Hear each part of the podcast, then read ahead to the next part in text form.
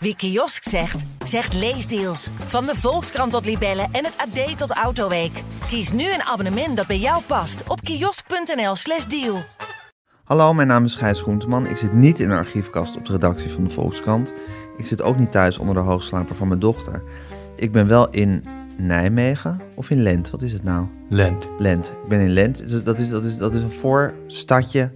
Is een stad of een dorp? Nijmegen-Noord, maar eh, als dorp heet het nog gewoon Lent. Als dorp heet het nog gewoon Lent. Staat er gemeente Nijmegen. Gemeente Nijmegen tegen Nijmegen aan ben ik. En ik zit hier bij mijn gast, die ik zo meteen ga interviewen. Hij heeft wat mij betreft een van de mooiste boeken uh, van het afgelopen jaar gemaakt.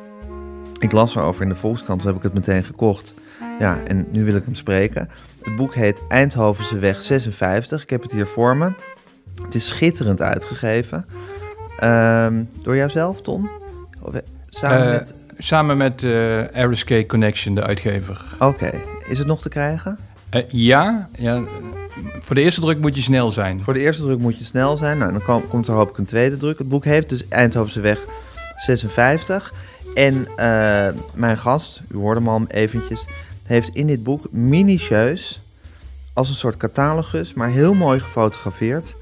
Niet per se uh, esthetisch in de klassieke zin van het woord, maar het is, het is wel heel esthetisch, heel erg mooi gefotografeerd. Alle objecten die er stonden in, het in zijn ouderlijk huis toen zijn beide ouders uh, inmiddels waren overleden. En zo is er eigenlijk een soort weerslag ontstaan. Tenminste, dat gevoel krijg ik als, als je het doorkijkt, maar daar gaan we het zo meteen over hebben van het leven dat zijn, uh, dat zijn ouders gele geleefd hebben. Um, ik vind het heel interessant. Het is heel mooi om naar te kijken. Je kan er urenlang of minutenlang, wat je wil, de ene keer kort en de andere keer lang doorheen bladeren. En je verwonderen over wat de mens uh, vermag. Ik ga nu praten met de maker van het boek, de fotograaf Ton Grote. Ton, wat, wat voor gevoel. Ik, ik heb dus de afgelopen, ja, sinds ik het boek heb, week of drie denk ik, heb ik er heel veel in zitten, zitten kijken. Ik heb een enorm diep gevoel nu bij dit boek gekregen inmiddels. Wat heb jij voor, voor een gevoel bij dit boek als je het, uh, als je het voor je hebt uh, liggen of als je het in je handen hebt? Um, nou, het is goed om te vermelden dat ik uh, heel veel met fotoboeken heb, want ik ben verzamelaar van, van fotoboeken. En ik ben eigenlijk geen fotograaf uh, in, in, de klassieke zin. Uh, en je zou me amateurfotograaf kunnen noemen, maar dan is amateur wel liefhebber. ik werk als HR-adviseur in, in het Radboud ziekenhuis in Nijmegen, Radboud UMC. Wat is HR eigenlijk? human Resources, ja. personeelszaken zal ik maar zeggen. daarnaast ja, heb ik veel vrije tijd. En dat gaat bijna allemaal op aan fotoboeken uh, verzamelen, uh, foto's verzamelen, oude foto's, analoge foto's.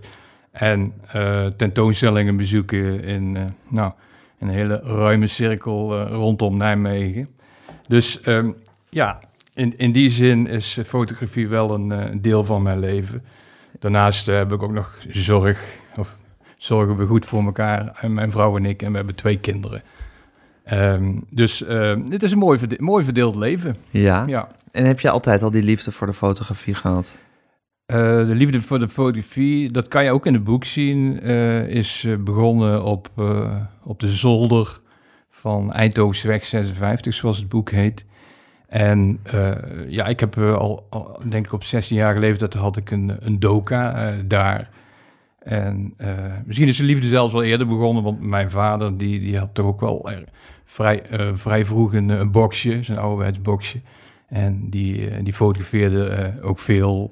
Dus wij hebben ook meters fotoboeken van de foto's van mijn ouders en toen we jong waren. Dus, en dat heb ik gewoon uitgebouwd in, in onze eigen collectie. Want we hebben ook een paar meter fotoalbums van, van ons gezin. Dus de liefde voor de fotografie heb jij, heb jij meegekregen van je vader eigenlijk? Nou, in ieder geval aangestoken. Ik denk dat ik wel uh, drie graadjes uh, uh, fanatieker ben geworden op dat gebied. Maar het grappige is, mijn, mijn vader heeft tot het laatst toe ook gefotografeerd, want op de cover van, van het boek staat een foto die mijn vader, eigenlijk het laatste rolletje, heb ik gevonden, eh, zeg maar een paar jaar eh, eh, nadat hij was opgehouden met fotograferen. Toen heb ik dat nog laten afdrukken en dus zeg maar, hij heeft nog twee foto's hierna genomen. genomen eh, dit dus zijn eigenlijk een van zijn allerlaatste foto's. Dus En dat is het enige- Zijn, voor, enige- zijn, zijn, ik zeggen, eer voor laatste foto is dit. Ja, ja. En wat, is, zien, wat zien we hier op de voorkant, Tom? wij staan in het huis Eindhovenweg 56 en wij kijken In naar welke door de- gemeente? In welke gemeente is dat? Ehm, is dat belangrijk voor je? Eh, Ik heb eigenlijk eh, niet de behoefte om eh, te zeggen waar het is. Ook, ook een beetje uit privacyoverwegingen voor de mensen die daar nu wonen. Het is een, een Eindhovenweg 56 in Brabant. Oh, wat leuk. Dan kunnen de fanatieke fans kunnen alle Eindhovense weg 56 gaan bezoeken. En dat zijn er acht. Dat zijn Rondom- er acht. rondom Eindhoven. Nou, dat is te doen. Dat kan je in een dag doen. Ja. En dan kan je gaan uitzoeken welke het is. Ja, Leuk. ja. Dus, goed, eh, dit is, nee, maar, is, dit is eh, weg 56. En je vader stond hier. Die stond eh, zeg maar op de oprit en die keek eh, naar, eh, naar de Ventweg en naar het plantsoenetje eh, voor, zijn, eh, eh, voor zijn deur, voor de deur van, de, van, eh, van mijn vader en moeder inderdaad. Dus eh, en het aardige is, ik heb laatst nog een foto gemaakt, eh, het is nog, er is, als- je het boek hebt en goed zoekt, dan weet je meteen waar het genomen is, want die foto die, die vind je zo nog terug in eh, eh, 20 jaar of 25 jaar na dato. En waar, is dit een goede foto, vind jij? Eh, Die je vader gemaakt heeft? Ja, want alle foto's zijn goede foto's. Is dat zo? Eh, kijk, es- esthetisch gezien eh, kan je er van alles van maken, maar eh, staan, eh, het is hier eh, in deze context in het boek is het een fantastische foto. Eh, en de, sowieso, mijn vader was geen wereldfotograaf, ik ben geen wereldfotograaf. Het was geen natuurlandschap waar je zegt, oh, als je hem ophangt. Eh, maar het was wel een deel van zijn leven, dus het is een goede foto. Want het was zijn uitzicht, zijn dagelijkse uitzicht. Hij deed, naarmate hij ouder werd, want hij heeft tot zijn 92ste in, in dit huis gewoond. Een jaar voordat hij stierf. Is hij daar weg moeten, moest hij naar een tehuis. Maar eh, dit is wat hij elke dag zag. Ja. En hij, deed, hij maakte meerdere foto's, want hij, hij maakte ook foto's als het lente was, als het zomer was, als het herfst was. Ze zijn niet allemaal identiek op dezelfde plaats, maar hij, hij had wel zo'n bewustzijn van ik moet een aantal dingen vastleggen. Nou, daar ben ik zeker mee eh, geïnfecteerd met, eh, met dat... eh, Virus. met- met z'n- Laat het maar ja, een virus laat het maar een noemen. virus noemen. Ja. Prettig virus. Eh, prettig virus. Het goed, een goed aardig virus. een goed- zeer Ja. goed aardig. En we zien een, eh, de straat met, klinker, met klinkers belegd. Daarna zien we, nou het is niet een stoep, want er, dat is een soort grasveldje. ja, Het is een stoeprand, maar daarachter begint een grasveldje. Dan zien we een heg, een lage heg, een boom eh, in bloei. Tenminste, het is, dit, dit zal lente of zomer Ja, geweest zijn. ja, zomer. eh, Ja. Gevorderde zomer. Gevorderde zomer. Eh, een lantaarnpaal zien we nog. En daarachter een soort, nog een boom en ook een soort bosje. Ja, het is een heel gewoon uitzicht. Ja. En dat is, dat is ook het boek. Het is Ja. een boek van gewone dingen. eh, met heel veel gewone dingen erin. En het aardige, de boekontwerper Jeremy Jansen, daar moeten we het direct nog over hebben, over het belang van de boekontwerper. Eh, die, die, die kwam zelf met het idee van, zullen we dit nou op de cover zetten? Want dat is de enige foto die naar buiten kijkt. Ja, En als je het bo- boek open doet, dan kijk je alleen maar naar, wat, naar binnen, wat er, wat er binnen in dat huis stond. En dat vonden we eh, wel een mooi ja contrast. het klopt. Deze, foto, deze, deze cover klopt helemaal bij het boek. Ja. Op een wonderlijke manier. En je zegt, elke foto is een goede foto. Ja. Zel- zelfs de foto's die je per ongeluk afdrukt. Kijk, voor mij is, is het... eh, eh, misschien moeten we naar het ontstaan van het boek. Die, die vraag die, die komt nog wel terug, als ik de regie een beetje mag nemen. Je mag de regie zeker niet nemen. Oh, jammer. Maar ik sta je nu toe om het zijpad te nemen wat jij wil nemen. Maar stel hem, stel hem nog een keer. Kijk, ehm, ik heb, eh, ben ooit begonnen met, eh, met het fotograferen van, van losse objecten uit mijn ouderlijk huis. Dat werd voornamelijk ingegeven door het feit dat mijn vader, die, eh, die zeg maar, ruim de tachtig was, die begon in het grote huis waar hij alleen woonde, want mijn moeder die is, was daarvoor al overleden, begon die spullen op te ruimen. En hij ruimde ook mijn cassette recorder op, die trouwens wel kapot was, maar die, die hadden we nog wel bewaard. En toen dacht ik van, ja, wat moet, moeten we nu doen? Het is, het is mijn vaders huis, niet van mij. Eh, kan ik hem verbieden spullen op te ruimen? Nee, nee ik, ik leven en laten leven. Het was zijn leven. Ja. En, Wil ik die cassette recorder nog hebben zelf? nee, je wilde hem Nee. niet meer hebben. Nee. Eh, en toen dacht ik van, als ik er nou een foto van maak, eh, dan, eh, dan heb ik hem nog. Ja. Eh, dus eh, je legt iets vast wat, ja, heel simpel gewerkt. Het is dan een, een herinnering, maar je hebt eigenlijk nog wel iets. Voor mijn gevoel is een foto ook nog wel iets tastbaars. Eh, nou, Zeker bij een kapotte cassette recorder, want die gebruik je eigenlijk niet meer. Nee. Eh, cassettebandjes zijn niet meer aan de hand überhaupt. Nee. Maar dan heb je toch dat beeld, als je, als je die cassette recorder ziet, dan, eh, dan, dan, dan automatisch openen zich natuurlijk weer duizend herinneringen aan de uren die je met die cassette recorder hebt doorgebracht. Ja, stiekem Ja. heb- ik de bandjes ook nog, maar dat... eh, Oké, ja. dat ben jij nou. Je bent nou eenmaal een dwangmatige verzamelaar. Nou, Dat kan je eh, ook niet helpen. Nee, ik ga het niet beamen. Eh, Vraag wel aan je vrouw als ik er ooit Ja. tegenkom. nou, dat- nou, die, Ja. komt, die komt nog wel op het toneel direct. Oké, spannend. Ik heb vanaf het begin af aan, vanaf eigenlijk de eerste opname, heb ik ook gedacht van, als ik dat dan fotografeer, wil ik het ook uit de context halen. Dus ik heb alles gefotografeerd op een witte achtergrond. En dat waren soms een paar A4'tjes en, en soms een, eh, een, laken en, en later was het een, een wat professionelere achtergrond. Eh, maar wel eh, uit de context eh, gehaald. Eh, en dat had voor mij ook wel voordeel van dan, dan heb ik ook een soort geabstraheerde versie van het onderwerp. Dat is wat anders dan een foto maken van die cassette recorder in de la, waar die, waar die op de zolder lag. Waarom is dat anders? Eh, het heeft, heeft, heeft ook te maken met, met concentratie eh, op dat ene onderwerp. Het leidt niets af. Eh, dat, is, dat is heel belangrijk. En het is ook wel, de vorm wordt daardoor ook belangrijker. omdat het gewoon een witte achtergrond heeft. En, en wat, wat, ik gefotografeerd heb, dat heeft, krijgt veel meer vorm door die witte achtergrond. Hoe, hoe, waarom ik dat meteen gedaan heb, is niet heel duidelijk. Ik heb eigenlijk uiteindelijk 4500 verschillende voorwerpen. Moeten we even voor de luisteraar zeggen dat ik geen kasten, tafels en stoelen gefotografeerd heb. Het zijn alle tastbare en, en, eh, objecten die er in huis eh, waren. Eh, stiekem heb ik ook nog wel die, al die andere dingen, maar dat is misschien nog voor een latere datum. Eh, die 45 op, 4500 objecten, die zijn overigens in het boek wel teruggebracht tot eh, bijna 2300 omdat ik ook eh, 35 handdoeken van mijn moeder gefotografeerd heb. Ja, dat is niet altijd eh, interessant. Daar heeft de boekontwerper eh, wel een keuze in gemaakt. Want anders krijg je straks bladzijden allemaal van hetzelfde. Dat is wat minder interessant. Eh, maar al die onderwerpen, eh, die, of al die boeken, of al die, sorry, al die eh, objecten, die, eh, die zijn dus door de jaren heen eh, door, door mij gefotografeerd. Alleen maar op een witte pagina. En ik vind het geweldig om, om gewoon ook terug te gaan naar van waarom dan op wit. Eh, ik vind, per object, het wordt nu zuiverder. De herinnering aan waar dat ding lag en wat dat ding, eh, eh, dat object aan verhalen in zich heeft, wordt voor mij wel, voor mij persoonlijk, helderder.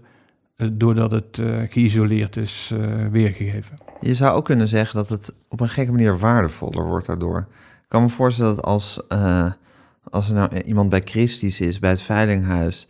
en die denkt, nou, we willen, we willen, we willen van die, die, die oude inboedel van de familie Grote... daar zouden we nog wat geld mee willen verdienen. Hoe gaan we dat aantrekkelijk verkopen? Het gekke is, als je dus inderdaad zo'n oude cassette recorder... tegen een witte achtergrond zet en hem goed fotografeert... dan denk je, ineens ga je zien wat voor een bijzonder dingetje het eigenlijk Ja, is... en ja, wat het ja. ontwerp eigenlijk is... En je op een manier walmt de geschiedenis er dan vanaf. Terwijl als je hem inderdaad in een la vol snoeren tussen de andere rommel zou fotograferen, dan denk je gewoon van, eh, kan iemand hem opkomen halen? Want het ligt in de weg. moet- moet weg. Nou, Gek is dat, hè? Dat, laat ik zo zeggen, dat- ik, ik ben het helemaal eens met hoe jij het zegt. Eh, het grappige is dat dat soort gedachten pas helemaal achteraf Ja. komen bij me. Heb ik, er is nooit een vooropgezet plan geweest, überhaupt niet om een boek te maken. Eh, ook niet eh, toen ik begon met fotograferen, van, oh, dan ga ik straks alles fotograferen.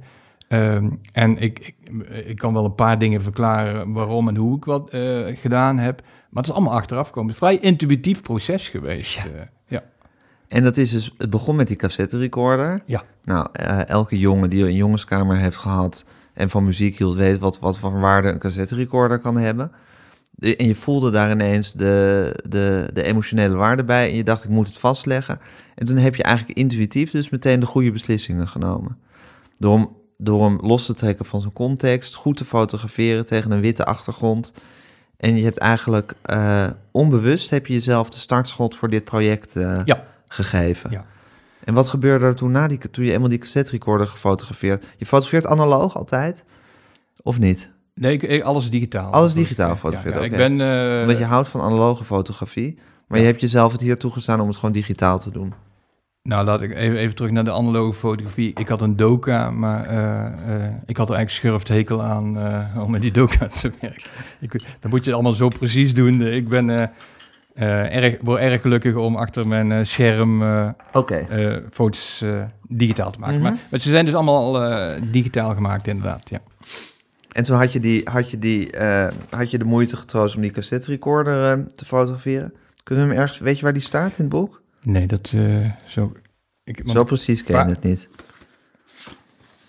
Ja, het- ze staan, even, ik zal even met je meezoeken. Want ze zijn wel een soort van thematisch gerangschikt. Kijk, ik ben hier bij de elektrische dingen. Dus hier, Ja, daar moeten ze bij staan. Want, hier is een pagina met eh stekkers. ja. Met van die stekkers om, om van één gat in het stopcontact drie gaten te maken. Ik weet niet hoe het levensgevaarlijke dingen zijn het. Levensgevaarlijke eh, ja, dingen. Als je brand in huis wil, moet je die gebruiken. Absoluut. Ja. Ja. En hier zijn we bij de zaklantaarns, lampjes. Ja, handboeken fotografie. Ja, dan zijn we toch weer bij de boekachtige. Verlengsnoeren.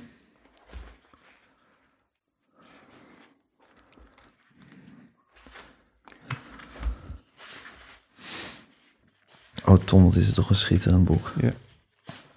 Nou, kom, kom, eh, kan hem maar niet zo pakken. Die Nee, we, we kunnen de cassette recorder Komen dan misschien nog wel tegen. Ja, kan misschien toch. hè.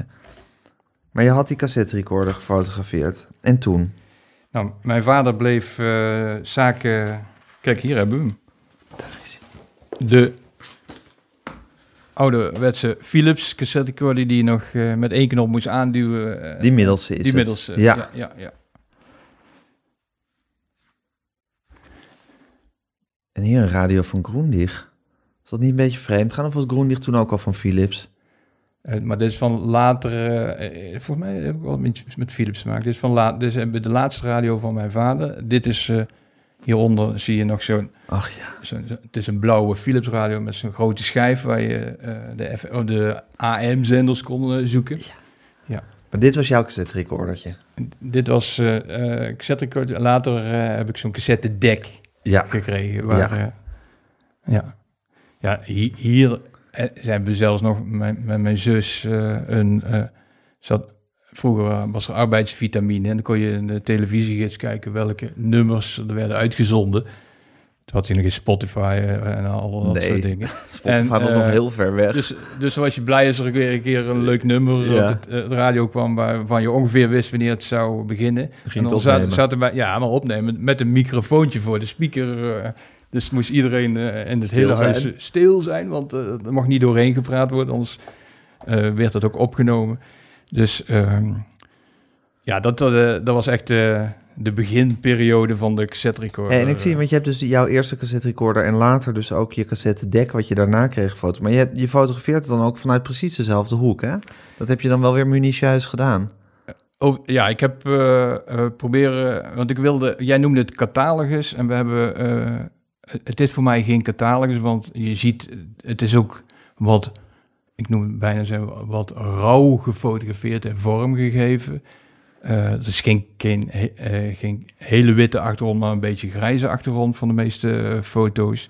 En ik heb wel geprobeerd ehm, vanuit een bepaalde hoek te blijven fotograferen. Soms heb, heb ik ze ook van aan de voorkant alleen, maar de meeste die zijn eigenlijk onder een hoek van ja, 45 graden bij zijn bijna alle objecten gefotografeerd. Om ook een beetje rust te brengen in, in, in het kijken. Ja, want je dacht het moet wel een soort uniform gevoel geven. Het moet niet, het moet, alles moet niet vanuit een andere gekke hoek gefotografeerd worden. Er moet een soort regelmaat zitten. regelmaat ja, zitten, ja, ja. Dat is het leuke dat ik rondom... er moet eh, iets systematisch in zitten ook. Ja, maar het, het maf is, ik ben helemaal niet zo precies, maar eh, precies is niet hetzelfde als systematisch.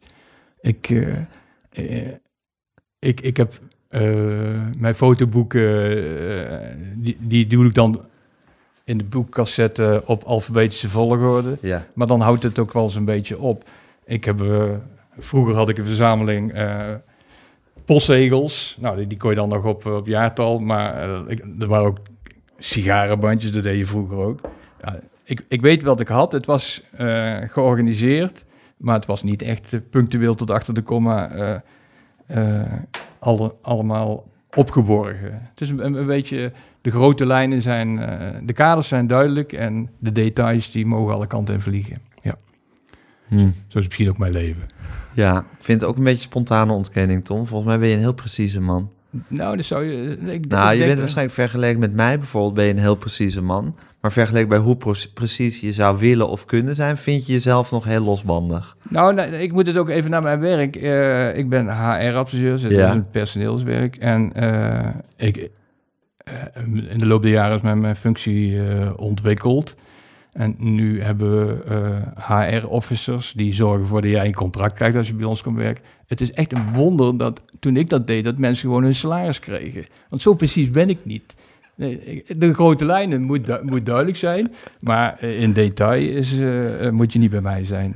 En je bent nu op je papier, want je hebt even een paar vellen met aantekenen, ben je, zet je streepjes, je hebt twee vellen over elkaar liggen, en dan zet je streepjes die over de twee vellen heen gaan. Ik vind dat leuk. En die trek je dan weer uit elkaar, Ja, dan heb je een mooi lijntje. en heb je een mooi lijntje. Ja, ja. Ton, ik vind je een fascinerend iemand. ja Ik kan niet anders zeggen. Dank je. Ja, en je hebt een fantastisch boek gemaakt. Ja, want je wilde het dus, dus je dacht, het moet, eh, het moet volgens een methode gefotografeerd worden. En binnen die methode heb je jezelf heus wel vrijheid gepermitteerd. En eigenlijk toen je dat cassette recordertje had gefotografeerd, toen vaarde of voer, weet ik niet, in jou het idee, eigenlijk moet ik alles. Want natuurlijk al die dingen hebben, zijn met herinneringen verbonden voor jou in dat ouderlijke huis van je. Ja. En je dacht, als ik dit cassette recordertje fotografeer, waarom, waarom, waarom ga ik al die andere dingen dan niet ook fotograferen? Ja, de- eh, het is, heeft zich opgebouwd. eh, de spullen die mijn vader eh, begon weg te gooien. Op een gegeven moment had ik 300 foto's.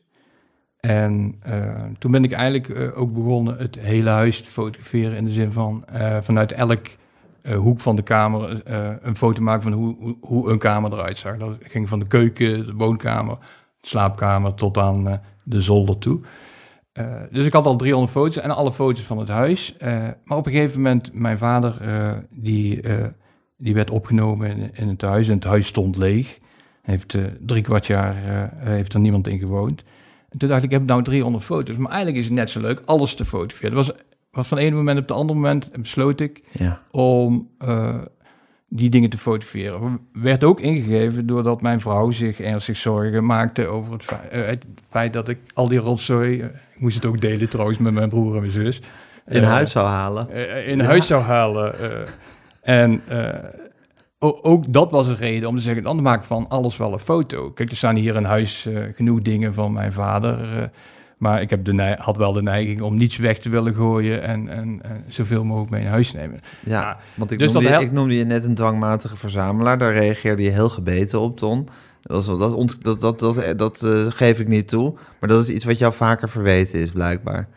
Dat is, een, dat is, dat is iets, waar, iets waar je vaker tegen hebt moeten verdedigen. Het maakt mij niet uit. Ik bedoel, ik, maar Ja, maar dwangmatige zit iets Ja. negatiefs in. Eh, eh, even terug naar, mijn- naar mijn werk. Eh, ik heb wel eens contact met eh, professor Anders Pekkens op mijn werk. En die is psychiater en die doet mindfulness. En die, wil, die zegt tegen mij, Ton, je zou eens bij mij cursus moeten doen. mindfulness, want dat is goed. Opgeruimd vergeet. Lo- En dan leer- loslaten. En dan, en Leer dan je tussen de regels loslaten. door loslaten. En dan ruim je ook al die, die spullen op. Ik zat met haar een paar maanden geleden in de auto. En toen zei ik van, eh, ik snap dat dat eh, voor heel veel mensen eh, ruimte geeft in de geest. En het is de bedoeling dat die mensen een, een kwalitatief beter leven daardoor Mhm. wellicht krijgen. Maar stel nou dat ik heel veel plezier beleef aan al die rotzooi.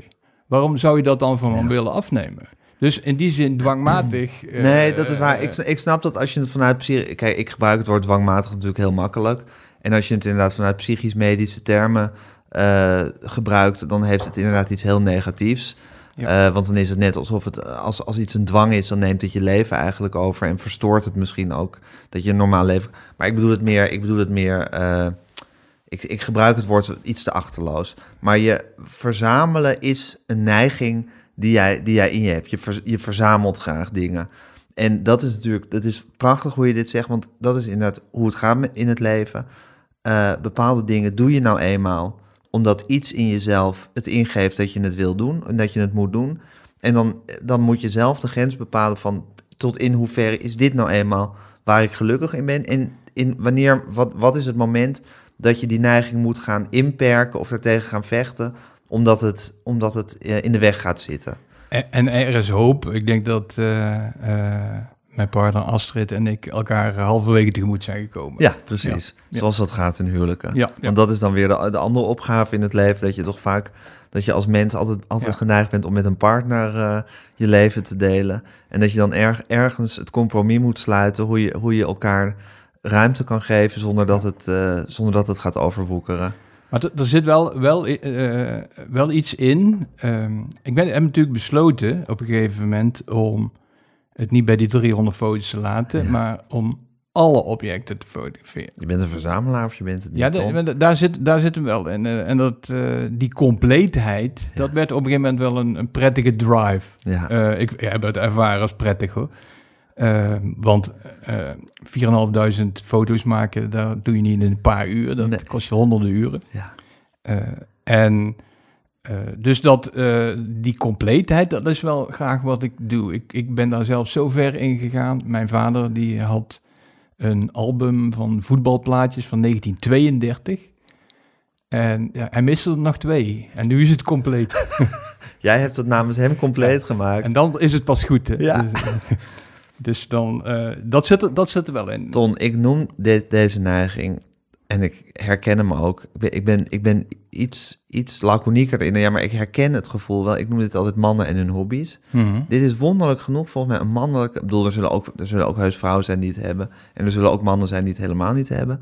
Maar het is vaak mannelijke eh, neiging om dit te doen, volgens mij. Dan, Dat ga, dat- dan dat ga ik toch nog terug naar, de, naar Anne Spekkens en zal toch even vragen of we dat eh, kunnen labelen aan eh, de groep mannen. Nou, als, leg haar even voor of, of zij de term mannen en hun hobby's begrijpt. Of Ik, dat- ik, ik denk dat ze daar een heel eind in komt. Ik denk dat ze daar een heel eind in komt. En, ehm, ehm, want je hebt dus ook, want je vertelde net voordat we de opname liep, dat je 4000 eh, fotoboeken hebt. Ja. Dus met fotoboeken heb je ook, heb je, ha- daar hou je ook van om die te verzamelen. En dat veel daarvan nog in het cellofaan zitten. ja. Ja, dit, doet- dit deed me heel erg denken. Ik ben ooit bij iemand geweest die, eh, om een heleboel jaargangen Donald Ducks eh, te kopen voor mijn zoontje. En die had op zolder... Voor je zoontje. Ja, wat? Voor je zoontje. Ja, mijn zoontje was, raakte into de Donald Duck. Ja, ik vertel altijd bij Albert Heijn, als ze daar voetbalplaatjes hebben, dat mijn zoontje ook spaart. Ja, nee, maar dit was echt... Maar goed, ik vind, vond, deed het met plezier. Maar die man had dus op zijn zolder alle jaargangen Donald Duck... vanaf, vanaf het allereerste jaargang tot en met de, de laatste week... liggen in het plastic nog ook. Want dat, dat, dat wilde hij. En dat was dan, had hij een verhaal van... ja, dan zijn ze meer waard, dus dat, dus dat moet. Maar ik voelde dat hij gewoon het heerlijk vond om die dingen compleet te hebben... zoals ze ooit op een deurmat waren gevallen... En hij had dus heel boel over, want soms moest hij een partij opkopen om er eentje te hebben. Dus daarom had hij heel veel extra Ducks. Die kon ik dan van hem overnemen voor mijn zoontje. Maar hij, hij, hij wilde dus al die jaargangen Donald verzamelen en in het cellofaan. En bijvoorbeeld ook dan met de foldertjes er nog bij. Want vaak zit er dan een foldertje bij van dat je ook dekbedden kan bestellen of weet ik veel wat. Die moesten er dan ook nog allemaal eh, in zitten. En dat heeft iets wonderlijks, want je denkt, je koopt toch Donald Ducks om, ze te lezen, om ze te lezen. En toch snapte ik het ook heel goed. En wat, wat snap je dan? Dat kan ik niet uitleggen. Nee. Ja, want dat, ik stel de vraag omdat ik het ook niet kan Nee, uitleggen. maar je snapt het ook. Ik snap het ook. Ja. ja, ja. ja, Dat is fascinerend, hè? ja. Het, het heeft ook wel iets te maken, eh, in mijn geval, eh, dat eh, dan ook ongerept blijft. Dat ongerepte. eh, kijk, ik kan verschrikkelijk balen eh, als er van een of ander eh, een bedrijf waar je op internet wat kan bestellen, komt er een boek aan en zit dan, eh, hebben ze het door de brievenbus gegooid, er zit Ja. een deuk in. Ja, of, omdat, zo, dat, of dat dat hoekje zo'n beetje al zo inge, ja. ingekreukeld is. Ja, Ja, Ik, hoop, ik hoop eigenlijk ook eh, zelden een, een boek in, in, in een boekwinkel of een museumboekwinkel eh, wat, wat uit de plastic is. Want dan heeft iemand anders er al al ingekeken. ingezeten. En ja, dat, dat klinkt bijna heel eng. En dat, dat mag ook heel eng klinken. Ik vind het zelf niet eng. Eh, want in diezelfde boekwinkel ga ik dat boek Bedoel wat, je eng in de betekenis van griezelig of van nauw? Of van, een beetje, eh, ja, het lijkt wel of een smet eh, vrees Ja, heb. ja, eh, ja, ja. Dat, eh, dat is absoluut niet zo. eh. maar daardoor blijft het nog eh, maagdelijk. Ja. En, en, en, dat, En in ongerept zit natuurlijk iets van hoop ook. ja, Dat, het nog allemaal, dat het nog allemaal kan. ja, De mogelijkheden. alles, ja. Het, het Ja. Heeft, het, is, het, het is eigenlijk nog niet geboren. Ja, ja. ja, zoals het Ja. ook zo heerlijk is als je een nieuw apparaat koopt... en het eigenlijk, als het nog in de doos zit en het moet nog open... is eigenlijk het meest verrukkelijke moment. Toch? Ik, ik hoop niet dat zoveel mensen luisteren, want ik, ik heb dat Nee, ook luistert bijna niemand. Nee, daarom, dat is, Nee. dat is mooi. ik heb dat ook met, met een broek of een schoenen die ik koop. Ik moet eerst even, even twee of drie weken hier in huis gestaan hebben en dan pas, dan trek ik het aan. Ja. Eh, het moet even, het moet iets van mij worden. eh. Ja, maar ook het is, zolang het nog nieuw is en nog onaangetast... Ja, ja. is het eigenlijk aantrekkelijker. Absoluut. Ja, dus dat heb je ook met die fotoboeken. Ja. Dat je het eigenlijk het fijnste vindt. En je vertelde ook dat je dan eh, wel eens naar de winkel gaat om het boek in te kijken. Ja. Dan kan je eigenlijk genieten van het boek wat je hebt. En dan laat je je eigen exemplaar hier in het, in het cellofaan zitten. Ja, dat is, eh, is soms heel mooi om te denken van, oh, dat boek eh, ziet er zo aan de binnenkant zo leuk uit. eh. oh, dat heb ik Dat ook. toch, dat is Ja, toch ja. geweldig, Ton, dit. Ja, ja is... Wat zijn, wat zijn, dat is toch, mensen zijn toch idiote wezens? Wij allemaal, jij, ik, Ja. al onze luisteraars die nu meeluisteren. Ja, maar het, het is ook wel leuk om te vertellen, want op mijn werk geef ik ook af en toe training of zit ik ergens bij een bijeenkomst en, dan, en soms gaat het erover, vertel iets over jezelf en dan zeg ik altijd, je moet op zijn minst eh, één ding vertellen wat heel raar is over je, zodat Ja. wij jou beter leren kennen. Ja, Dan begin ik natuurlijk zelf als voorbeeld eh, eh, dit voorbeeld te geven. En na 15 jaar nog, in, ik werk wat langer in, het- in het Radboud UMC. Na 15 jaar nog komen mensen naar me toe van... Jij was toch degene die, die met die fotoboeken... Ja, die, in die cellofaan. plastic- Ja, in het Ja. cellofaan liet zitten. Ja. Ja, dus dat blijft wel hangen. Dus eh, ik, eh, ik vind het ook niet erg om te vertellen. Want ik, vind het, ik, ik heb er geen last van. En volgens mij hebben eh, mijn huisgenoten er ook geen last van. het is ook Dus- een heel goed aardige Dus afwijking. je ziet ook aan mijn glimlach dat ik er wel van geniet. Zeker. En het ja, is ook ja. een afwijking waar je niemand kwaad mee doet. Nee, nee. Nee, helemaal niet. Nee. Het is gewoon alleen, ja, dat je denkt van... Wat is het toch grappig dat je allemaal boeken wil die je niet in kan kijken. Ja, ja niet, niet hier kan ik kijken. Maar, Nee, eh, ja, maar- Ik, kom zo, ik kom op zoveel plekken dat ik ze wel kan zien. Dus dat, Zeker, maar dan had je ze ook weer niet hoeven hebben. Ja, maar ik kan je ook nog vertellen dat van de hele mooie boeken ik er twee koop. Eentje om in te kijken en eentje om eh, te hebben. Ja, je lach is... Ik, ik smelt voor je lach, Ton. Je lacht zo, ja, tevreden en verexcuserend tegelijkertijd. Ja, nou, Ja. ik denk dat dat eh, mooi eh, En wat is, mooi nou, wat is nou bijvoorbeeld wat is het laatste boek wat je, wat je in twee fout hebt gekocht? Wat vind je nou een heel mooi boek? Eh, ik kom altijd... eh, laatst was met mijn zoon eh, en Astrid eh, in Brussel. En, eh, in die, volgens mij, Hubert Galerijen. Ik weet niet of je Ja. eh, eh, daar is een boekwinkel. En ik, wil, ik moet altijd terugkomen met, met, daar, eh, met een boek wat ik daar gekocht heb. En ik ben nogal een, een fan van eh Franse, noemen ze maar even kunstenaar, fotograaf Sophie Kal. En het aardige is, ik heb een, een box met daar van zes boekjes, maar daar verkopen ze ze ook los. Dus die box die blijft keurig in het plastic. En dat, die losse boekjes. Heb je daar Maar- maar, gekocht? eh, we moeten we moeten direct wel door met het boek, hè? Want anders hebben we het helemaal over, alleen maar over deze afwijking. Ehm, Ton, maar wie had hier de regie? ja. Ja. ja, ik mocht niet voor jou, hè? Ja?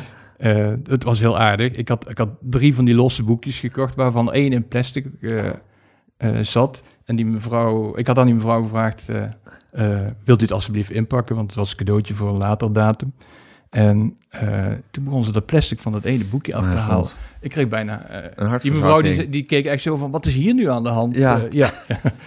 nee, maar goed, het, het moest toch open. Maar het feit dat zij dat plastic ervan af ging halen, was wel een ding. Ja, dat wilde je zelf ook. Ja. Ja, Ja, ja maar niet dat zij deed. Dat was het maagdelijke van dat boekje was eraf. Want dat is wel het verschil. Ik kocht drie boekjes, waarvan één plastic. En daar heb ik toch een ander gevoel bij degene die al open geweest waren, waar anderen in gekeken hebben. En, en dat Ja. andere. Goed, Don, we laten, het, we laten het verklaren door eh, de psycholoog. Ja, ik vraag me af of de psycholoog dit kan verklaren. Nee. Maar goed, het is, een, het, is een, het is een hele fascinerende menselijke... En ik denk ook een beetje man... Nou ja, ik kocht ooit voor mijn dochter een iPhone.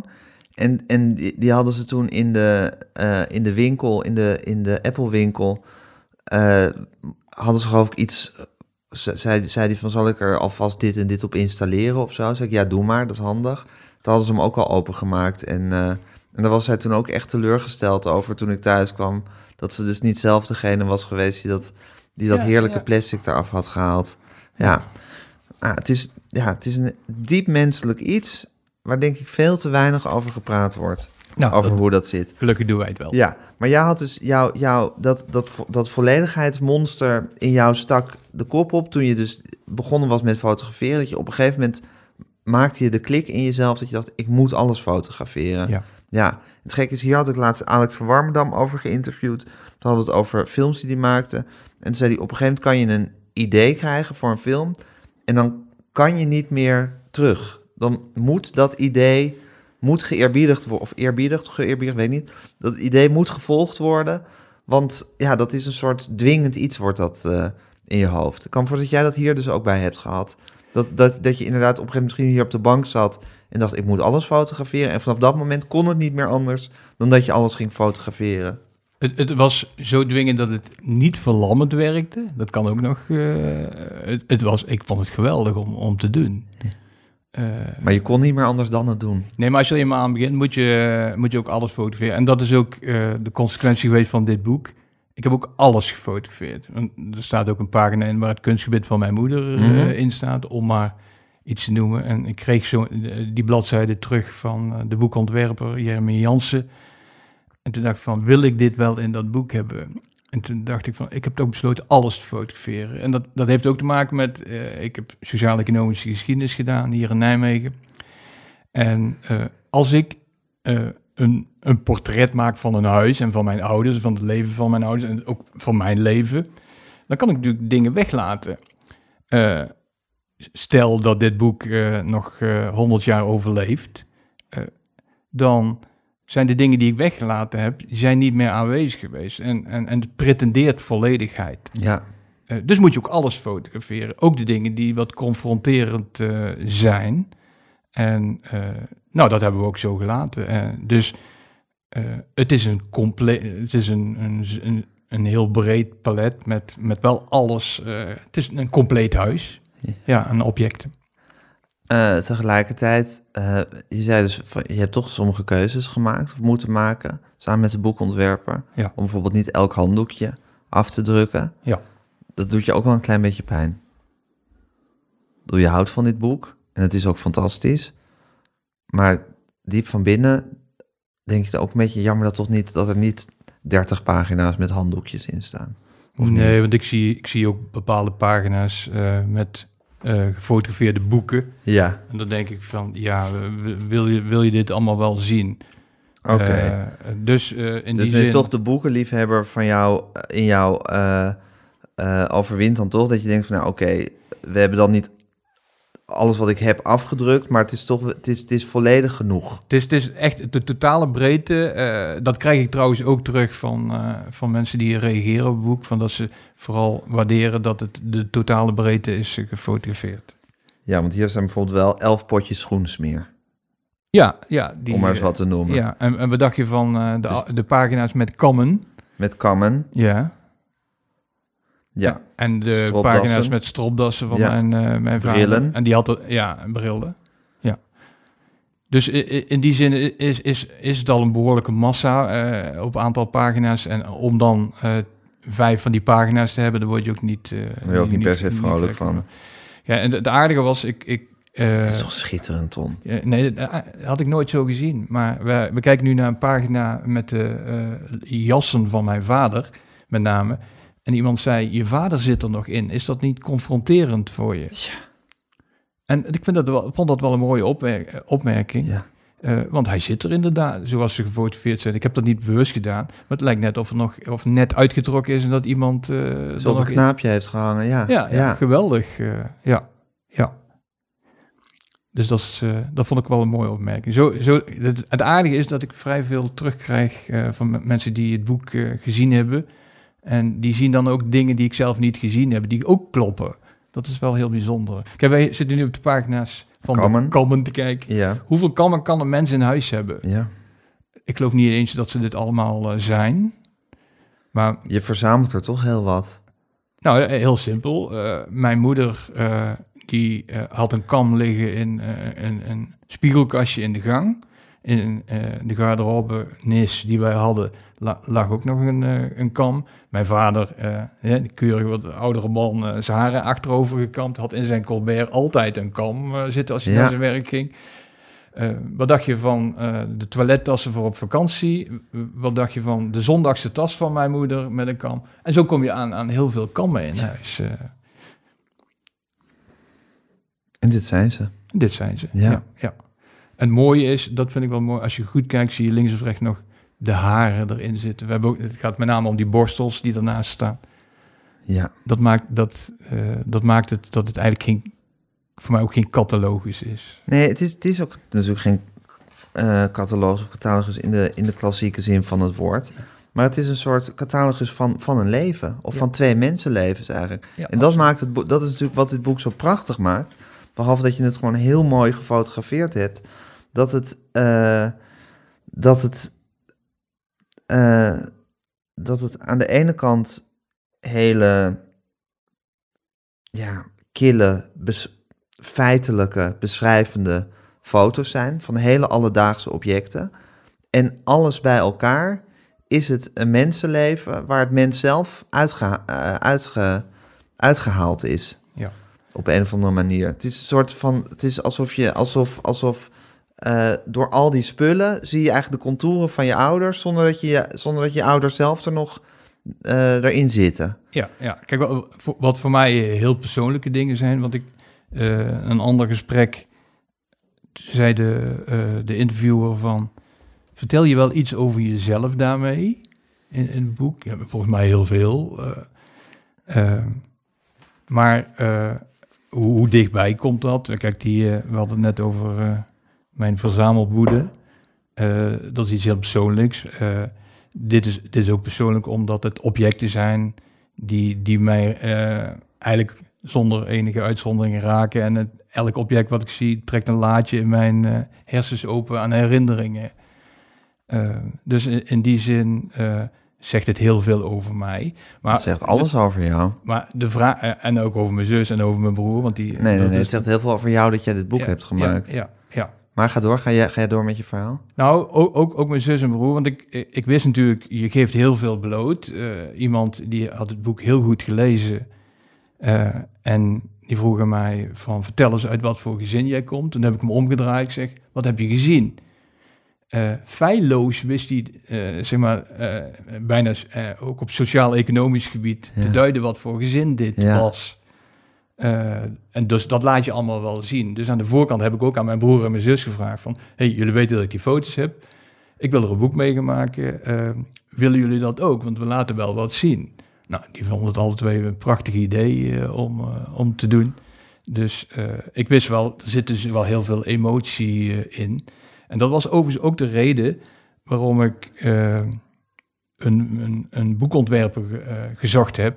die mijn emotie er eigenlijk een beetje uit zou halen en meer zou eh, eh, ordenen en, en, en laten zien, de voorwerpen laten zien vanuit het perspectief van de kijker. Want als ik, het is bij, bij fotoboek moet je sowieso denk ik nooit zelf eh, ontwerpen. En kill your darlings en weet ik wat. Dat is denk ik ook heel belangrijk. Mhm. En ik heb de boekontwerpen is absoluut een vak wat ik geheel niet beheers. Dus ik had hem sowieso nodig. Maar ik had ook nodig iemand die vanuit een ander perspectief kijkt. En dat is ook wat jij ziet, want Eh, ik krijg heel veel aandacht eh, op dit moment met dit boek. Eh, en eigenlijk wat onderbelicht blijft, is, is de rol van de boekontwerper.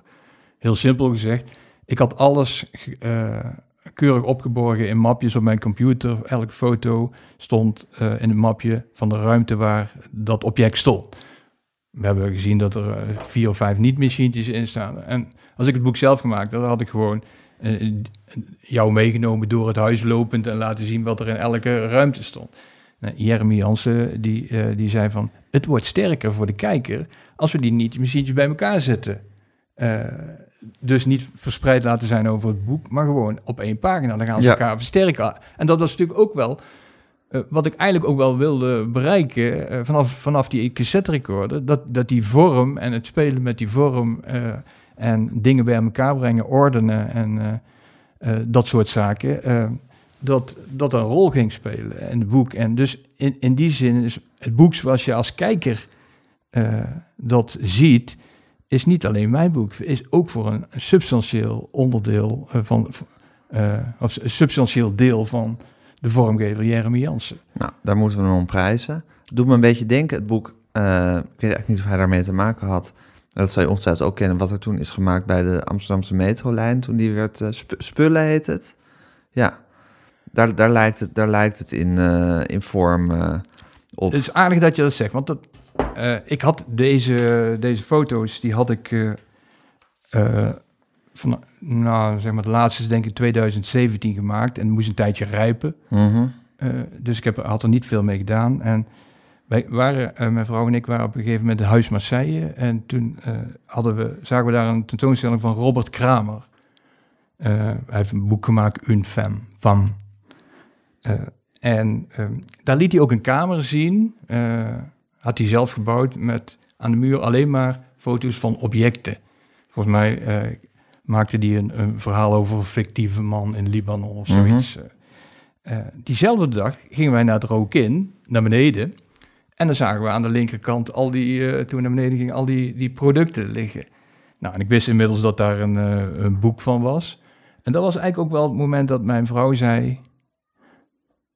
Ton, dan moeten we ook een boek, je moet ook een boek maken. Dus Ja. op één dag kwamen die dingen bij elkaar. Ja. En eigenlijk heb ik, heb ik die dag besloten van, het moet een fotoboek Ja, worden. ja, ja.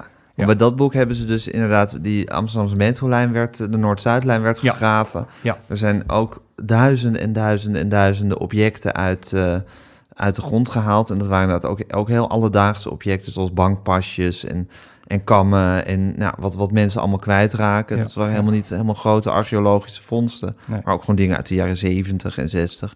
En die zijn ook allemaal een beetje vergelijkbaar gefotografeerd en ook op zo'n manier eh, uitgegeven. Ook een fantastisch boek, maar natuurlijk niet met de emotionele lading die jouw boek heeft, omdat Nee. dat over zoveel levens gaat en niet over, ehm, over één echtpaar wat, Nee. eh, Nee. wat jarenlang samen heeft gewoond op de Eindhovense 56. Ja, nee, dit eh, dat zal niet verbazen dat ik dat fotoboek ook heb. Ehm, in, het, in, het, in het plastic nog, mag ik hopen.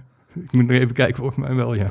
Of is dit er zo eentje waar je er twee van hebt? Want dat is het wel waard. Nee, ik, heb, er- ik heb er wel Oh, eentje van, eh, ja. Nee, dat... eh, maar ehm, dat is inderdaad uiteindelijk wel het startpunt geweest. En, Ja,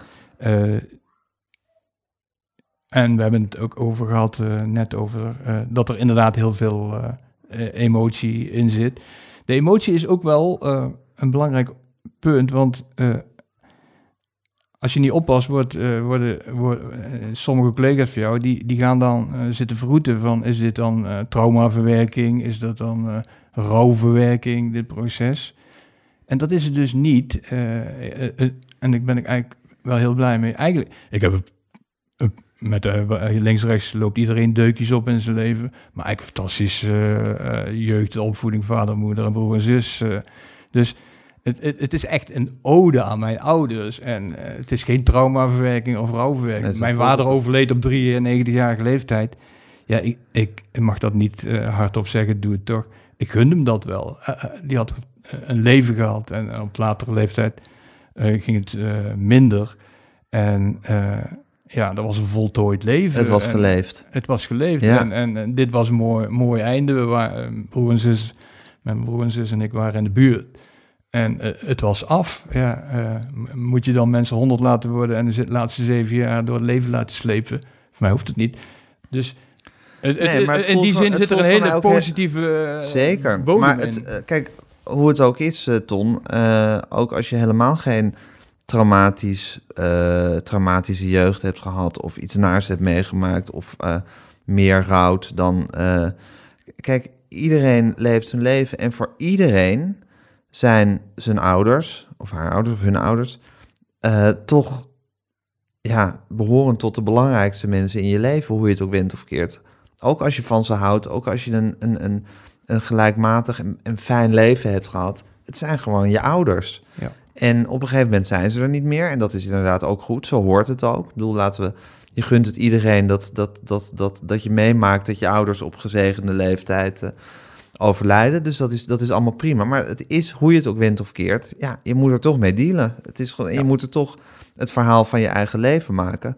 En wat dit boek natuurlijk, tenminste zo interpreteer ik het. Wat dit boek over jou zegt. Eh, en daarom vind ik het zo'n persoonlijk boek. Dat je zegt van ja, gaat het ook over mij? Ja, het gaat over mij, maar ook over mijn broer en zus.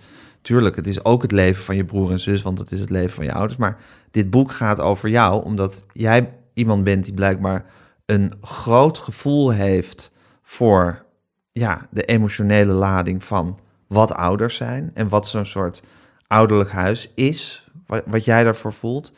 En dat jij nou eenmaal iemand bent, de ton die je bent, de verzamelaar en de systematicus ook een beetje, die dat gewoon, die dat, die dat, die, dat enorme, onuitlegbare, grote, voor iedereen, in ieders leven aanwezige gevoel op een, de een schrijft er een soort lyrisch gedicht over, de ander schrijft er dagboeken vol over, een derde doet er helemaal niks mee, maar probeert het in zijn hoofd vorm te geven.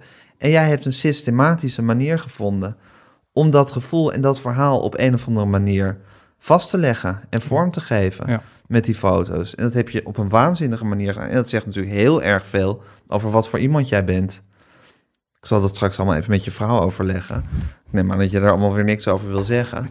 Maar dat is natuurlijk, dat, dat is natuurlijk het schitterende ervan. ik heb denkt, eh, tegen ja. gezegd dat ze maar... eh, dus ze werkt eh, met, in de GGZ, dus ze moest vandaag naar de patiënten toe. Ik zeg, Ja. je kunt beter gaan, want wat je allemaal te horen krijgt... eh, Dus ik kan het allemaal terug hoor. Ik bel er anders wel oh een ja, keertje dat is goed. Ik- Ja, Ja. maar dat is natuurlijk schitterend, Ton. Hoe je Ja. gewoon, ja, want we hebben allemaal ouders. En ze zijn er nog, of ze zijn er niet, of ze gaan op een dag, of eh, weet ik veel. Je moet er allemaal een verhaal van maken.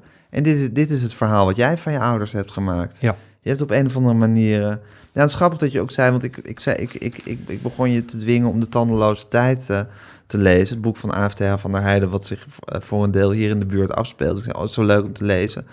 En toen zei je van, ja, nee, ik lees, ik lees eigenlijk geen boeken met letters. Ik ben een fotoboekenlezer.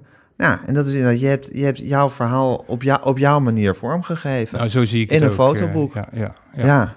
Kijk, eh, voor mij is het, ik heb net gezegd dat ik geschiedenis heb gestudeerd. Het is ook een document voor, eh, eh, iemand noemde het een, een soort toekomstige archeologie. eh, maar het is ook een document van, van gewone mensen.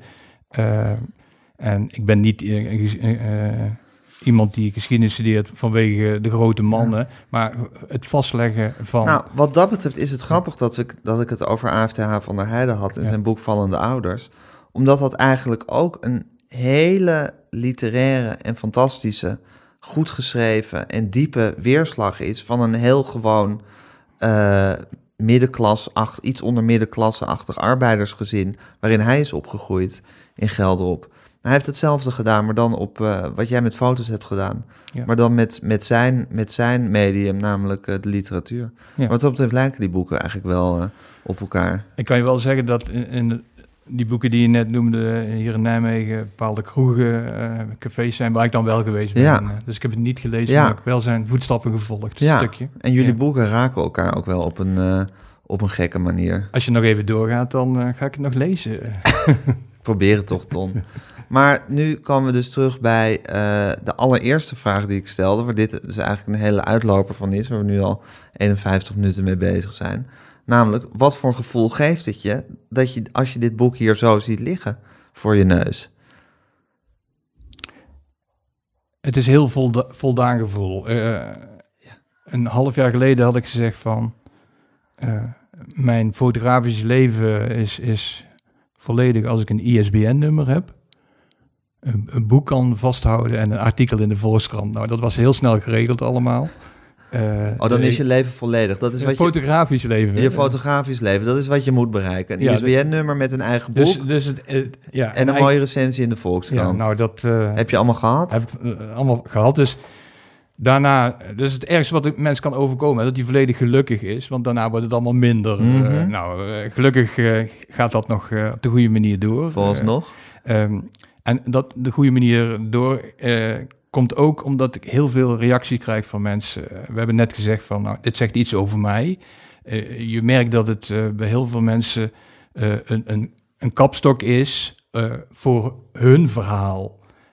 Een stukje herkenning van een aantal dingen hadden mijn ouders ook, had mijn opa eh, oma ook. Dus het is eigenlijk een, een, voor, een aan- aanzet voor storytelling en, en lekker dicht bij huis van hoe, hoe deden je ouders het, hoe deden je Ja. oma en opa. Dus in die zin eh, vind ik het erg fijn eh, dat terug te horen, omdat het da- daarmee ook duidelijke functie heeft. Ja. Mijn dochter Marjolein, die, eh, die is ruim in de twintig en die is in september begonnen voor een opleiding voor verpleegkundige, werkt met geriatrische patiënten Mhm. psychogeriatrische patiënten. En dat, dat huis waar ze nu werkt, heeft mij afgelopen vrijdag uitgenodigd om voor de bewoners, het zijn niet allemaal geriatrische patiënten, maar ook mensen die daar alleen maar een appartement hebben, eh, om eh, het boek te presenteren. En dan is, zie je hoe geweldig het is, want die mensen die komen met dingen. Hè, wie had hier vroeger, dat zijn allemaal mensen die daar in de zaal zaten van, nou zeggen we tussen grofweg eh, 65 en, en 90. Wie had hier vroeger een, een, een Philips radio? Nou, dan gaan die vingers omhoog en dan zie je aan die ogen van... hey, dat, dat, dat zij ook hun verhaal hebben met elkaar. Nou, dan, dan denk ik van, nou, is toch geweldig als, als, je, als je zoiets over je boek mag vertellen... dat andere mensen er ook wat aan hebben. Ja, maar het is natuurlijk ook een universeel verhaal wat je vertelt met dit boek. ja. Want zelfs Ja. had je geen Philips radio, maar een hele andere radio. nee, dat- ja, we hebben allemaal radio gehad. We hebben sowieso allemaal spullen gehad die we ons leven lang achter ons aan hebben gesleept. Soms heb je ze één keer gebruikt en zijn ze in een la verdwenen. Soms eh, gebruik je ze elke dag. Maar ze, op een of andere manier vormen ze ook je identiteit, al die spullen. Hoe gek het ook is. Dat is Ja, de ziel dat- die daarin is gaan zitten. Ja. En het, het, het mooiste verhaal nog kreeg ik eigenlijk eh, direct nadat het boek verschenen was. Toen kreeg ik een, eh, een berichtje van iemand. Zei die van, ah, fantastisch. eh, in die foto van Kennedy hadden wij, of dat boek van Kennedy hadden wij ook. Eh Bisschop Bekkers eh, in de katholieke eh, jaren 60, 70 was dat een, een, een een bekend... eh Want er staat min, een min, port- meer progressief, Er staat wat portret van progressiever, Kennedy, eh, eh, ja, ja. staat er ook. Die- Had, hadden je ouders hangen. Hier, Ja, ja, Kennedy. sla meteen op. Beroemde katholieken. Ja. Ja, Nou, eh, nou, Kennedy is natuurlijk... mijn vader is, was eh 16 toen de oorlog begon. en dan is Kennedy in Amerika... heeft een andere lading dan bij mij. maar die vertelde dus al... Die had stukken van het boek gezien... en die zei van... Oh, dat hadden wij ook, dat hadden wij ook, dat hadden wij ook. Dus ook, had hij met zijn zus over gehad. En hij schreef... Het aardige is, zei hij... eh, wij woonden ook op de Eindhovenweg 56. Alleen was het dorp verder. maar, maar precies dezelfde... eh, Ja. ja. Maar ja, nu maak je het heel erg alsof het, alsof het super interessant als je dit allemaal ook thuis had hangen. Kijk, Nee. ik had dit allemaal niet thuis hangen. Nee, nee, en nee. toch drukt mijn neus, mijn boek, dit boek mij met de neus op de feiten dat je wel ook een huis vol spullen hebt. Absoluut. Waar je Ja, eigenlijk ja, niet ja. bij stilstaat. En dat die spullen, als je ze inderdaad stuk voor stuk zou fotograferen als je er niet meer bent, eh, het verhaal vertellen, ook deels van wie je was. Ja. En dus niet alleen, bedoel, op begrafenis is natuurlijk altijd van nou, en eh, hij kon flink uit zijn slof schieten, maar daarna was het weer. Dan wordt natuurlijk heel erg op de psychologische eh, constructie van mensen wordt er, Ja. wordt er gefocust over wie ze nou eigenlijk waren. En dat is, dat is ook een deel van wie je bent. Maar gewoon eh 4.500 foto's van alle spullen die je in je huis hebt, is ook wie je, wie je bent of wie je bent geweest. Absoluut. En dat is het, dat, dat, ehm, dat voel je zo erg als je dit, eh, als je dit boek leest. Zijn er meer mensen die dit hebben gedaan?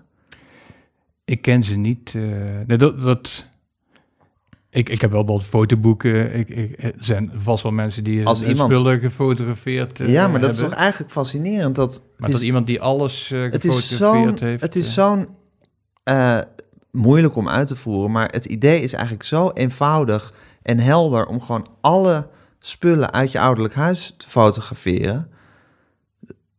Ja, ja. Nee, ik, ik, ik, Ik denk dat het links en rechts wel gedaan is, maar ik ken Nou het ja. in deze vorm ken ik niet. Dan zou je het denk ik ook wel weten. Als, je, bedoel, als iemand het zou moeten weten, ben je Ja, eh, nee, ik heb wel boekjes van mensen die, die veel gefotografeerd hebben, maar, maar, maar, Ja. in, in- Maar zo- zo breedte. secuur. Nee, nee.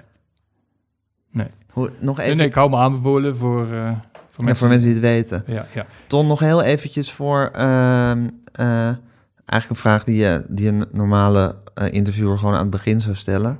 Maar ik, we zijn nu bijna bij het eind, ik stel hem nu maar gewoon. Hoe ging dat dan, dat fotograferen? Want je vader, je bent dus begonnen toen je vader nog leefde ja. hiermee. Maar toen, er was een soort op, opruimwoede, kwam, of er kwam een, een opruimdrang in hem. Toen dacht je, oei, nu moet ik, eh, nu moet ik even gaan, gaan handelen. En dan ging je eens in de week of zo naar hem toe? Of, Nou, eh, kijk, mijn vader eh, die woonde alleen in een groot huis, Ja. eh, oudere man, dus eh, mijn broer en zus en ik hadden daar de zorg over. Ik ging eh, één keer in de week ging ik daar naartoe.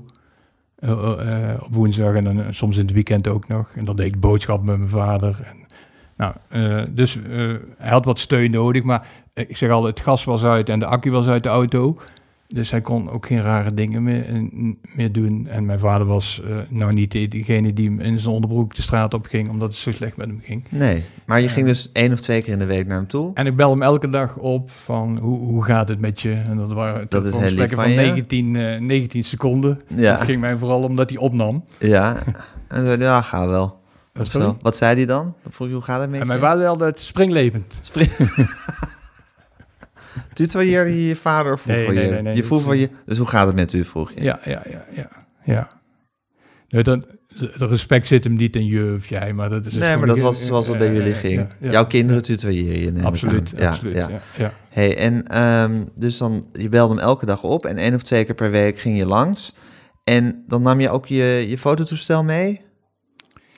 Eh, sommige dingen zijn met mobiel gemaakt, maar Ja. eh, toen hij begon eh, dat dat opruimen door bleef gaan, had ik op een gegeven moment ook wel een wit achtergrondje in de auto en Ja, mijn, je- mijn- mijn kleine camera. Had je je setje bij je? Ja, je, ja. Je, je, je portable studiootje eigenlijk. En want dan, dan moet je best wel systematisch te werk zijn gegaan, ook om te weten wat je had gefotografeerd, wat je nog moest. Ging je dan per kamer te werk of zo? Ja, ik heb, eh, eh, ik heb gezegd dat hij 300 weg, weggooifoto's had, hè, zeg maar, die de spullen die mijn vader weggooide. Eh, toen ik besloot om alles te fotograferen, ben ik echt in de keuken begonnen, letterlijk in de keuken. het kastje links tot met rechts, linksboven tot rechtsonder. En zo heb ik elke kamer of elke ruimte in huis heb ik... En plakte je dan bijvoorbeeld een stickertje op iets wat je had gefotografeerd of zo? Nee, want alles stond op zijn plek. Dus als ik een, eh, een, een, een keukenkastje... Ja, dat is natuurlijk wel goed bij een beetje een, een wat ouder of een, een oud iemand die in zijn eentje in huis woont. Dan, dan heeft alles gewoon zijn plek gevonden.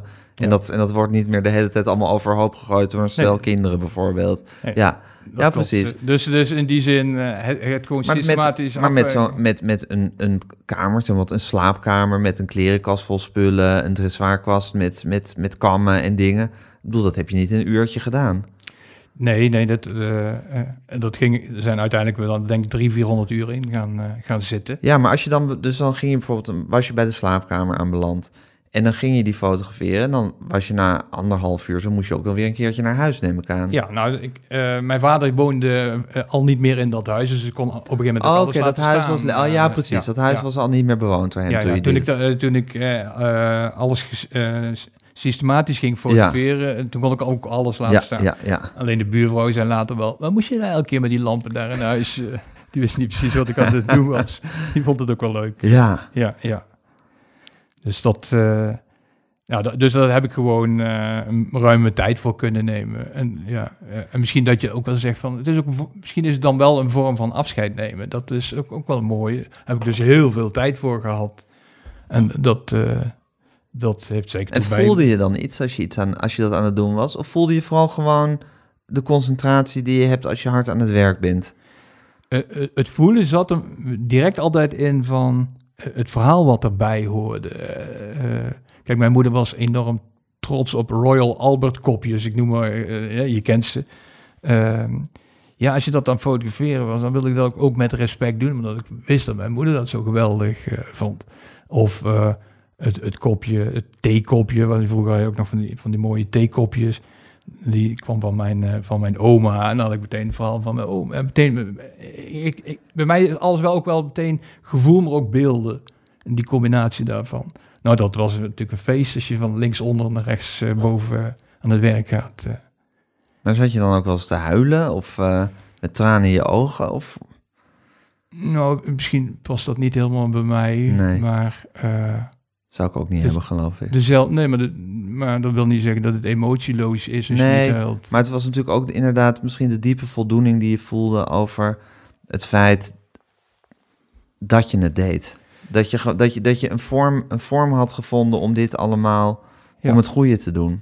En er zit ook toch wel een, een stukje dankbaarheid bij. Ja. Van, bedoel, eh, Snap ik. dat je in, in, in, Voor het leven wat je gehad hebt. Ja, ja. Ja. En, dat, eh, en, en dus in die zin ook respect om het, om het mooi te doen en, en, en, en goed te doen. Ja. Ja.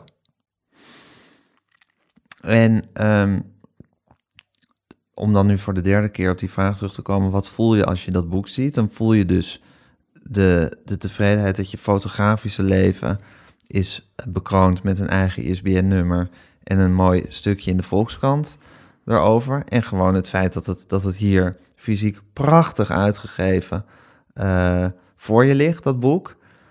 Dus dat is, dat is, maar zeggen, het hele feitelijke ding. Dat, Nou, nee, dat maar je- dat is ook iets, iets wel, de trots zit me ook wel dat je dan eh, over 100 jaar nog bestaat. Ja, Dus eh, mijn bestaan is terug te leiden tot mijn ISBN-nummer. Ja. Eh, Nou ja, en, En dat voelt- kijk, je, bent, wel goed. je bent natuurlijk een fotoboekenliefhebber. En een eh, fotoboek is natuurlijk een fotoboek omdat er mooie foto's in staan.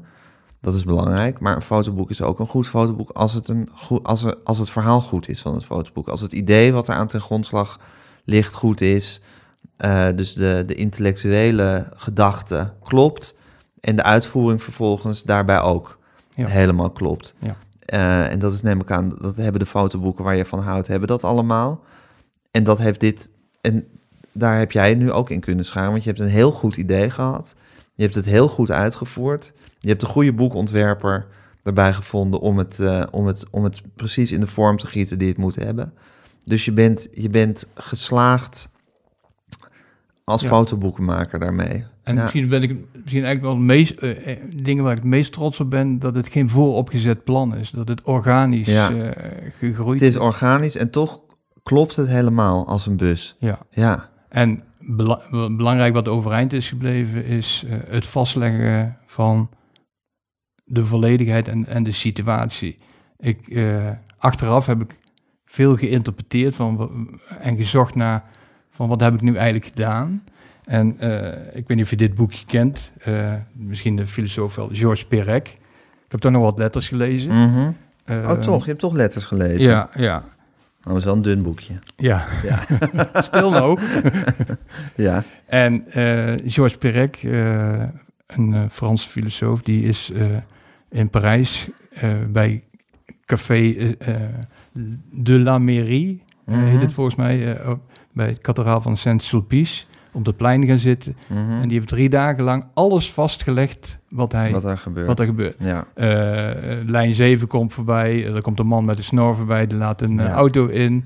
En dat is ook wel iets, de, achteraf denken van dit lag heel dicht bij mij, wat ik ook heb willen doen. Ja. Gewoon vastleggen wat er is. ja. Eh, Zoals je ook die film hebt, Smoke, waar, die, waar, die, waar Harvey Keitel Ja. elke dag een foto van zijn eigen winkel maakt vanuit Ah, precies nou, dezelfde hoek. dat soort mensen vind ik geweldig. Ja.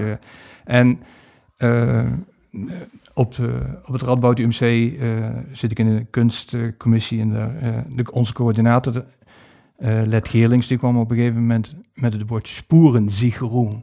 Zeg maar forensisch eh, eh, Ja. eh, eh, het vastleggen van de sporen, hè, die gele Ja. bordjes bij een ongeluk of bij een schietpartij, eh, Ja. en dan maken ze dan foto's van. Het vastleggen wat er gebeurd is. En dat is, voor, dat is voor mij ook wel belangrijk. Gewoon eh, het vastleggen van een gewoon gezin. ja. En sporensicherung, dat, ik ken dat woord niet. Eh Dat ik is vind het een het is. geweldig woord. Ja. Ja, ja. En dat ongewild is dat ook wel eh, een doel voor mij geweest. En achteraf heb ik het pas kunnen verklaren, maar dat, dat is ook wel een drive geweest. Dat is- Vastleggen wat er is. Dat is ook het goede van goede kunst, hè, Ton? Ja. Je het, dat het gemaakt wordt eigenlijk zonder dat je precies weet wat het behelst. En, Ja. en achteraf, als je er diep en lang over na gaat denken, snap je eigenlijk precies wat er gebeurd is. Ja, dat, is, dat vond ik erg leuk om achteraf te denken. En ik heb ook met een glimlach al die dingen ontvangen en, Ja. en, en ontdekt. En denk, toch, dat, is, dat is wel leuk. Het, het, moest dus, het boek moest dus niet verschijnen, maar is gewoon gegroeid. Dat is Ja. het, het mooie. En nu is het er. Ja. Dankjewel Ton, dat ik hier langs mocht komen. Dankjewel dat je het boek hebt gemaakt. Ik ga het nu ook de rest van mijn leven met veel plezier eh, met me meeslepen. Misschien koop ik er nog wel eentje die ik dan in het cellofaan laat zitten. Zou ik zeker Om jou, om jou te, e- gewoon om jou te eren. Dat doe ik verder bij geen enkel ander boek. Maar dat zou ik misschien bij dit, eigenlijk moet ik dat bij dit boek gewoon doen, inderdaad. Om als een soort eh, ode aan jou. Of een soort geheugensteun aan dit, eh zoiets Ton. Ja, eentje in het cellofaan en eentje om in te kijken. Dankjewel. Dankjewel, Ton. Oké. Ja, dit was met Groenteman in de kast met Ton Grote. Hij maakt het boek Eindhovense weg 56. Eh, Google het, dan eh, vind je zelf eh, waar je het kan, kan bestellen. Kost 30 euro, hè, geloof ik, Ton? Nou, Ja. het is echt, dat is een schijntje voor dit boek. Mijn naam is Gijs Groenteman. Ik maak deze podcast samen met Daan Hofstee. U kunt zich abonneren op alle mogelijke manieren op deze podcast. U kunt ons een mail sturen, podcasts.volksstand.nl en geef ons, dat kan op Spotify ook tegenwoordig, en in de Apple Podcast app, geef ons vooral lekker veel sterretjes.